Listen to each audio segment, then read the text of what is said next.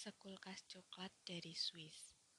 Kebaikan keluarga Wong Ratanakamon adalah ilmu hidup yang membantu membuatku ingin menyebarkan kepada orang lain saat berada di Solo, pulang ke kampung halaman. Kepada pemuda Swiss, misi kemanusiaan aku jalankan. A son from different father and mother. Demikian dia secara ngawur menempelkan label itu pada beberapa kali email yang dikirimkannya kepadaku setelah kunjungan pertamanya ke rumahku. Ini seperti menambah daftar panjang anak-anak yang lahir dari rahim ibuku dari 11 mengenapinya menjadi 12. Setidaknya, kami punya pemain cadangan bila ini menjadi sebuah tim sepak bola. Ibu tak pernah mencium pipiku saat aku pulang dari traveling. Olokku pada dia demi melihat sambutan ibuku saat dia datang kembali ke Solo. Oh ya, sepertinya ibu lebih cinta kepadaku. Sahutnya nyengir. Kami terkikik bareng. Ibu adalah cara dia memanggil ibuku dengan K di belakangnya seperti orang Jawa pada umumnya. Saat dia tiba di pintu rumah, dia selalu berteriak, "Hai, ibu!" Begitu melihat sosok ibuku, lalu sebuah cipika-cipiki mendarat di pipi masing-masing. Jauh sebelum dia menggenapi jumlah saudaraku, dia adalah orang asing dari negeri antah berantah. Dan dalam beberapa tahun terakhir, dia adalah kejutan besar bagi keluargaku. Saudara laki-laki yang paling dicintai oleh ibuku dibanding anak lainnya.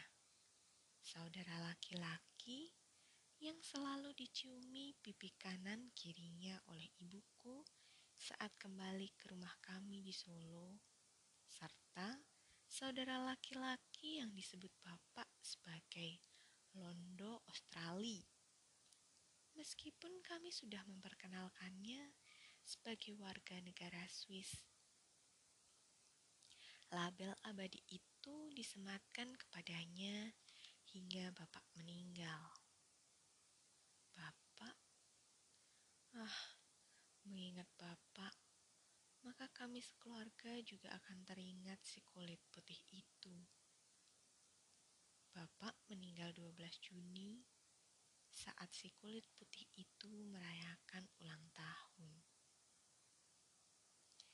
Namanya adalah Sven Dominic Huber, pemuda asal Swiss yang hidupnya seperti sebuah perjalanan panjang yang kerap mengabaikan koma dan aku curiga sepertinya juga tak mengenal titik. Hari ini bersepeda di sebuah negara. Bulan berikutnya mungkin sudah menumpang yacht orang di salah satu samudra di dunia. 30 negara lebih tidak juga memberikan tanda dia akan menemukan tanda titik. Pun Kembali ke Swiss dan bertemu keluarganya tercinta tidak membuatnya berhenti. Itu hanya pemberhentian beberapa bulan saja untuk bekerja, mengumpulkan uang untuk bekal sebelum kemudian melanjutkan perjalanannya. Tahun 2008, Swan kala itu masih berada di Australia dan berniat untuk mengunjungi Indonesia. Dia banyak bertanya tentang Indonesia di situs traveler dunia. Di sanalah kami bertemu sampai akhirnya berteman baik. Aku tawarkan bantuan bila memang dia ingin mengunjungi Jawa. Dan dia setuju. Swan, dia bukan turis Perjalanan adalah hidupnya. yang menurutku itulah kekayaannya. Dia menjalani hidup dengan mengenal kultur asli negara yang dia kunjungi. Kekayaan berupa pengalaman yang tidak bisa didapatkan semua orang. Awal kami berkenalan, dia mengajukan permohonan untuk bisa tinggal di rumahku. Bagiku, itu terdengar sedikit menakutkan dia pasti tidak akan pernah bisa membayangkan betapa sederhananya rumah kami. Aku bahkan tidak punya kamar. Karena salah satu ruangan yang dulu menjadi kamarku sudah berubah menjadi kamar, menjadi gudang penyimpanan barang-barang. Oh iya, bagaimana dengan toilet jongkok? Bagaimana nanti bila dia tidur di rumah sementara ada tikus berkeliaran di genting lantai dua yang tidak tertutup eternit. Oh iya, kecoak kadang juga muncul di kamar mandi dan sebagainya. Dan sebagainya seperti memperpanjang daftar kekhawatiranku. Kamu tidak perlu khawatir bersedia tidur di sembarang tempat. Di pinggir jalan pun pernah. Ujarnya seakan menjawab kekhawatiranku. Januari 2009, Swan mengirimkan email bahwa dia sudah berada di Indonesia. Masuk melalui Bali, lalu akan melanjutkan perjalanan secara overland.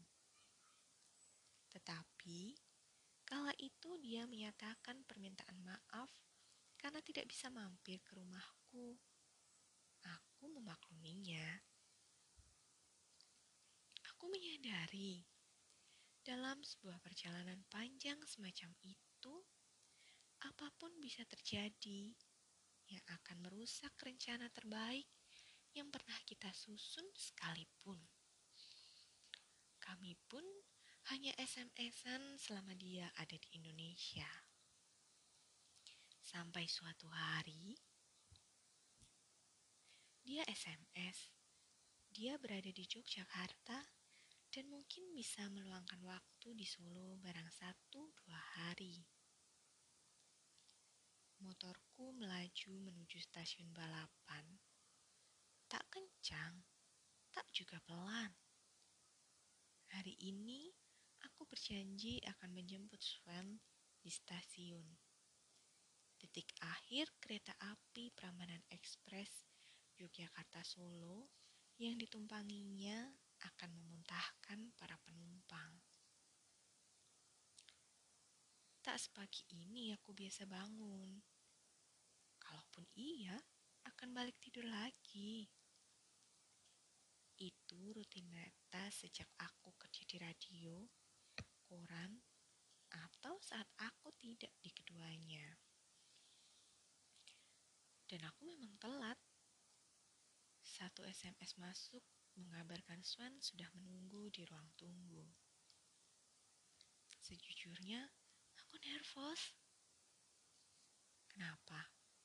Bahasa. Ya, aku bukanlah yang pintar bercas dalam bahasa Inggris menulis dan membaca akan lebih mudah. Karena sejak SMP, nilai bahasa Inggrisku lumayan, rata-rata 8. Tetapi berbicara, come on, masih percaya kurikulum pendidikan kita bisa mengajarkan orang yang bercah Inggris? Setidaknya, kalau iya pun, itu tidak terjadi di zamanku.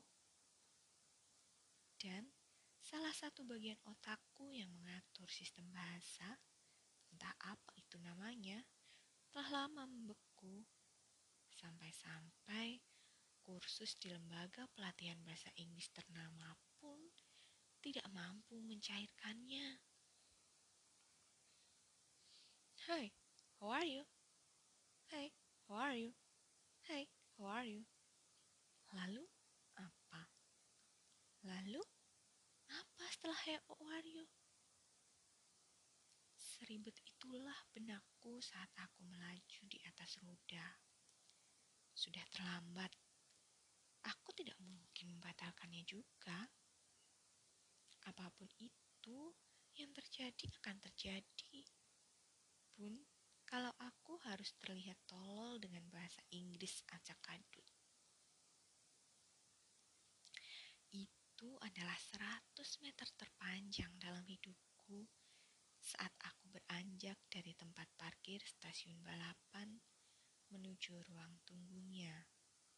Hanya ada, "Hey, how are you?" di benakku untuk menyambutnya. Selebihnya, mungkin bahasa isyarat atau bahasa tubuh. Atau aku akan diam mematung saja. Entahlah, kakiku berat sekali. Sampai kemudian aku sudah berada di depan Sven. Hey, how are you? Seru Sven menyambutku untuk kali pertama. Ampuslah aku. Bahkan satu kalimat andalanku pun sudah disabotasenya. Sven menyambutku dengan ramah seperti teman lama yang berpisah sekian lama. Tidak terlihat kaku dan langsung mengajakku meninggalkan ruang tunggu. Cair sekali yang membuat nervousku mengalir pergi. Lalu berloncatanlah kalimat-kalimat itu dengan bahasa Inggris bisaku. Dan Swan, aku tidak menemukan mimik muka heran menahan senyum, atau mengejek bahasa Inggris. Jangan khawatir, Inggris bukanlah bahasaku juga. Aku menggunakan bahasa Jerman di rumah. Dalam sekejap, Swan telah merebut hati keluargaku dengan kesederhanaannya. Dia tipe bule yang tidak pernah komplain dengan situasi tidur di karpet depan TV, dan sarapan pecel serta tempe goreng buatan ibuku pun tidak masalah. Hanya satu hal yang dia agak rewel. Air putih. Itu pun karena alasan kesehatan. Terakhir kali di Surabaya, dia diare hebat gara-gara temannya mengajak makan di lesehan dengan minum es teh manis kemungkinan besar es yang berbahan air mentah. Sejak itu, dia tidak mau minum air putih sembarangan. Trauma. Demi kesehatan pula, dia membeli jus buah di sebuah mall dengan menyodorkan air mineral yang barusan dia beli di toko. Mbak yang jual terheran-heran dan berusaha meyakinkan bahwa air putih mereka sudah dimasak. Sleepyhead. Dia sama telatnya denganku saat bangun tidur. Di rumah, Swan juga akrab dengan adik perempuanku dan ibuku. Adik perempuanku masih mending, bisa berbicara bahasa Inggris lumayan. Tetapi ibuku, mereka murni berbahasa Tarsan. Tangan bergerak ke mana-mana, mata memicing, dan komunikasi mereka selalu diakhiri dengan derai tawa panjang, tanda keduanya tidak paham. Saat kedatangan pertama, ibuku memberi salam dengan Halo, good morning, sambil nyengir gak jelas. Tetapi pada malam harinya, saat aku dan Swan baru tiba dari jalan-jalan, ibu menyambut dengan sapaan sama juga. Halo, good morning. Di malam gelap gulita. Swen membawaku ke dunia lain yang selama ini hanya aku bayangkan, aku lihat di televisi atau baca di koran. Cerita-cerita berloncatan begitu saja tentang kisah hidupnya, tentang menjadi orang yang tinggal di negara kaya tetapi dirinya masuk kategori miskin. Tentang cara hidupnya yang kadang jungkir balik dengan cara hidupku. Swen menawarkan pandangan berbeda tentang sebuah negara di benua Eropa. Hidup tidaklah seindah itu. Percaya padaku. Aku benci semua hal yang berbau tentara. Ini seperti kamu tidak memiliki hidupmu sendiri. Bagaimana mungkin kau menghabiskan hidupmu secara seragam dan pakaianmu pun seragam? Atau suatu hari aku pernah ditangkap polisi. Aku memalsu tiket kereta berlangganan dan ketahuan itu kenakalan yang selalu aku ingat. Atau, bukan aku tidak mencintai negaraku, tetapi itu hanyalah tempat di mana aku lahir. Selebihnya, aku bisa di mana saja dan kapan saja. Kata Sven suatu kali. Pertanyaan yang selalu diucapkan orang yang baru bertemu dengannya termasuk aku. Itu sebuah kebetulan. Aku tidak pernah memilih untuk lahir di mana dan sebagai warga negara mana. Kami banyak menghabiskan malam di wedangan, serupa lesehan yang membuka lapak di pinggir jalan dengan sajian khas jahe kepuk hangat, yaitu jahe yang ditumbuk kasar kemudian dimasukkan ke air panas dan diberi gula batu. Beralas tikar, kami bisa mengobrol berjam-jam tentang cita-cita dia membangun panti asuhan atau sekolah bagi anak-anak tidak mampu. Kalau disuruh memilih, aku memilih tidak memiliki anak. Dunia sudah banyak masalah banyak anak terlantar. Aku memilih mengadopsi dan merawat saja yang sudah ada. Dunia tidak butuh tambahan masalah dariku.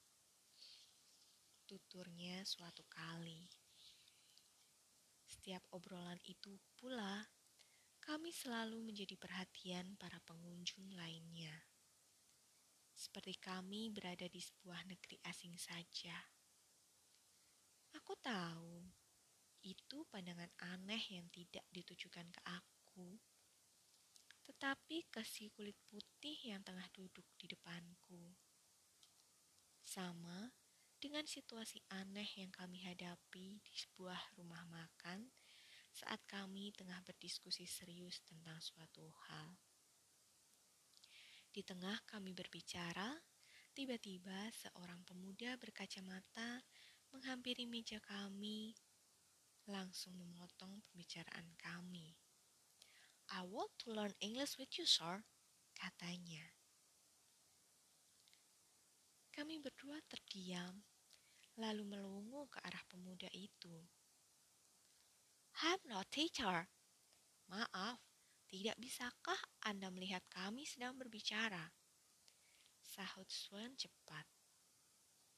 Pemuda itu terdiam, langsung pergi. Satu sisi, aku kasihan kepada pemuda itu, tetapi di sisi lain, itu adalah pelajaran bagi dia bahwa memotong pembicaraan orang adalah tidak sopan. Dalam hal tujuan hidup, kami seperti dua arah mata angin yang ujungnya saling menjauh. Utara dan selatan, barat dan timur, tenggara dan barat laut. Aku sejak lama ingin merasakan bagaimana hidup dalam dunia modern serupa Eropa misalnya. Memiliki apartemen sendiri, kecil saja cukup, asal bisa untuk tidur, mandi, dan mengundang teman-teman untuk berdiskusi. Menjadi orang yang bebas melakukan apa saja. Tidak ada orang yang mencampuri urusan orang lain. Jauh berbeda dengan Indonesia yang bagiku kadang terlalu rumit. Bahkan tetanggamu harus tahu kamu masuk masak apa hari ini, dengan siapa kamu pacaran saat ini, atau siapa selingkuhanmu kali ini. Bukan, bukan soal aku tidak mencintai Indonesia. Well, I do love Indonesia dalam cara yang berbeda. Indonesia yang kurasakan itu justru ingin dirasakan Sven. Indonesia serupa bagian dunia yang mungkin saja akan menjadi tempatnya melabuhkan sisa hidupnya. Menyapa dan disapa tetangga adalah sesuatu yang luar biasa menyenangkan baginya. Tetapi biasa bagi aku. Bukan tidak mungkin aku membuat sekolah di sini. Selalu, meskipun klise, tetapi memang rumput tetangga lebih hijau. Swan adalah penikmat hidup. Bekerja setahun penuh mulai dari porter hotel hingga menjadi pekerja konstruksi bangunan, lalu mengumpulkan uang untuk melakukan perjalanan sepanjang tahun. Humanis yang benci berkata bohong dan tidak percaya ada istilah bohong demi kebaikan. Swan tinggal di rumahku hingga satu pekan dari jadwal semula yang hanya tiga hari. Malam hari adalah saat kami berkumpul dengan keluarga, bermain kartu, nonton DVD, atau sekedar ngobrol. Situasi yang bagi orang lain agak aneh. Bagaimana mungkin kau memiliki tamu yang menginap di rumahmu yang reot dan dia seorang bule? Maka setiap kami berada di teras rumah, selalu pandangan mata tetangga yang lewat tertuju pada kami. Tak jarang, satu dua mencoba mengintip curi-curi pandang. Menjadi bule di Indonesia itu menguntungkan. Orang selalu ramah kepadaku. Dulu di awal, memang sepertinya agak mengganggu. Karena mereka selalu menyapa aku di jalan. Hai mister, atau sekedar meminta foto. Tetapi Lama-lama aku terbiasa dengan itu dan menikmatinya. Hidup itu indah dengan banyak cara. Tuturnya. Aku berpikir, sebenarnya sama saja dengan aku dan keluargaku yang merasa beruntung dia mau tinggal di rumah kami. Swan menghabiskan beberapa waktu dengan keluargaku termasuk bergabung dengan acara piknik keluarga kami. Hari berlalu seperti berkejaran. Terasa begitu cepat berganti saat kita berada dalam sukaria. Tahu-tahu, hari itu sudah hari terakhirnya di Solo. Di hari itu, dia mengajakku ke mall untuk belanja kebutuhan sehari-harinya sebelum melanjutkan perjalanan. Aku sempat heran, dia bukan tipikal orang yang suka belanja, tetapi aku turuti saja. Di mall itu, dia memborong banyak makanan. Aku diminta mengambil apa pun yang aku mau, tetapi dia menyarankan untuk tidak membeli sejumlah produk makanan dari perusahaan-perusahaan kelas dunia tertentu. Kenapa? Karena mereka merusak lingkungan. Yang ini memperkerjakan buruh anak-anak. Ujarnya santai sambil jarinya menunjuk sejumlah produk yang ada di rak supermarket yang diproduksi perusahaan tertentu. Aku cuma manggut-manggut tanpa mau mengejar lagi dengan pertanyaan bagaimana dia tahu soal itu.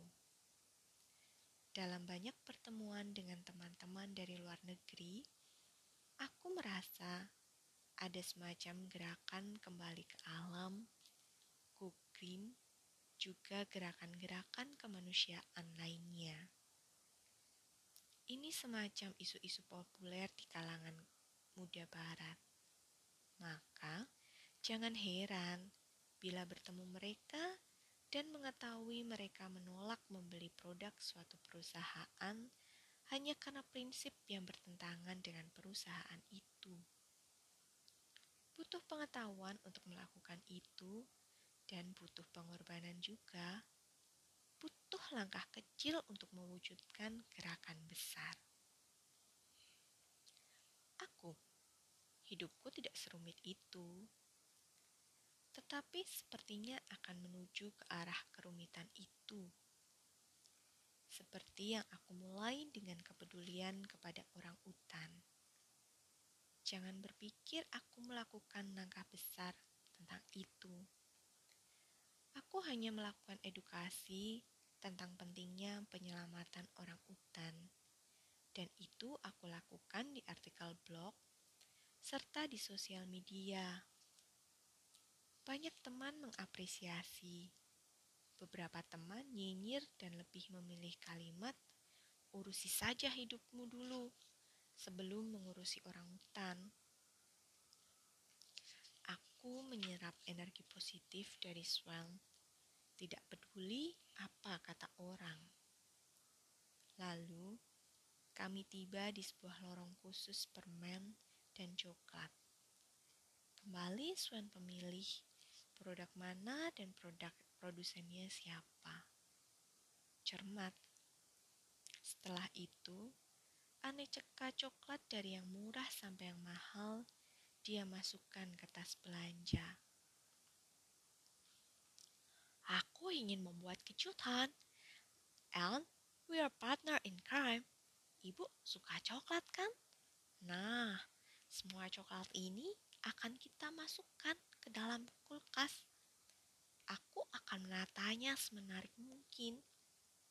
Kamu, ya kamu berjaga supaya tidak ada orang yang mendekat ke kulkas sampai ibu buka. Aku akan tuntun ibu dan surprise. Kalimat Swan diakhiri dengan ngakak panjangnya. Dia merencanakan menyiapkan kejutan buat ibuku. Tetapi dia tidak melupakan bapakku. Dia sempat bertanya, apakah bapak suka coklat juga? Aku jawab tidak. Bapakku sebenarnya lagi sakit-sakitan saat itu. Baik, aku belikan buah untuk bapak, kata dia. Siang itu, kami sibuk sekali Selesai menata coklat yang sudah menyesaki, menyesaki kulkas tua dan kecil milik keluargaku, kami menunggu ibu pulang dari pasar sembari swam packing karena dia harus meninggalkan sore solo sorenya. Ibuku berdagang di pasar tradisional dan biasa pulang sekitar pukul 2 siang. Akhirnya, tibalah saat ibu pulang pulang ke rumah. Hai ibu, I have something for you. Tutup mata ya. Swan membimbing ibuku mendekat ke kulkas. Lalu, dalam beberapa kali hitungan, dia meminta ibu membuka mata sambil tangannya membuka kulkas. Surprise! teriaknya. Ibuku tertawa geli. Dengan gaya ala pesulap, Swan menyentuh satu persatu coklat itu. This is for you, ibu, kata dia. Itu salah satu momen indah. Aku belajar banyak hal dari Swan. Salah satunya adalah mengekspresikan apa yang ada di hati. Kalau mencintai seseorang, katakan cinta.